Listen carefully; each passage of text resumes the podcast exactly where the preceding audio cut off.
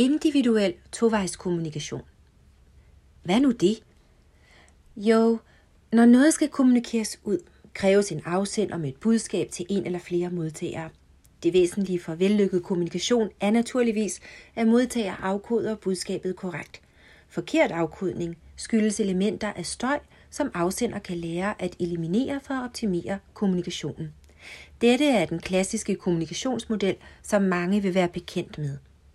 I min udvidede kommunikationsmodel foregår det hele inden i det enkelte menneske. Og det er særligt myndet på den personlige indlæringsproces, hvor vi stiller os selv spørgsmål. Det vil sige, hvor kommunikationen kommunikeres ind i stedet for ud. Jeg kalder den individuel tovejskommunikation. Og hvem er så de indre aktører, når vi kommunikerer med os selv? Det er vores intellekt og vores sanser.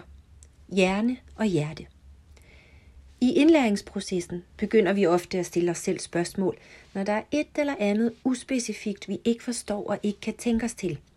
En uspecifik udfordring, der ikke har en specifik løsning. Det vil for de fleste give anledning til at begynde at bryde sin hjerne for at finde svar. Men derfra kan vi aldrig finde løsningen. Man kan tænke sig til meget, men ikke alt. For ved uspecifikke udfordringer må vi starte med sanserne – og stoppe op ved de kropslige oplevelser og sansninger, der foregår, når vi står midt i udfordringen. Trykke på en slags pauseknap, mens det står på, hvor vi kan registrere, hvad vi mærker, og derefter så inddrage intellektet til at reflektere og stille de rette spørgsmål til følelserne, der lag efter lag vil gøre det uspecifikke specifikt, og i sidste ende eliminere dem. Med andre ord er hjertet, som jo repræsenterer følelserne, afsender for et budskab til din hjerne.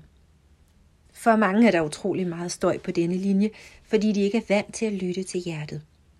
Det vil i praksis være der, hvor du oplever ikke at kunne knække koden, fordi du ikke er klar over, at hjertet indgår i koden. Så du må altså øve dig i at afkode dit hjertes budskaber, dine følelser, for at optimere den individuelle tovejskommunikation mellem hjerte og hjerne. Problemløsningsmetoden ved ubevidste udfordringer ved indlæring kan altså defineres som det gode samspil og den uhindrede tovejskommunikation mellem hjerte og hjerne.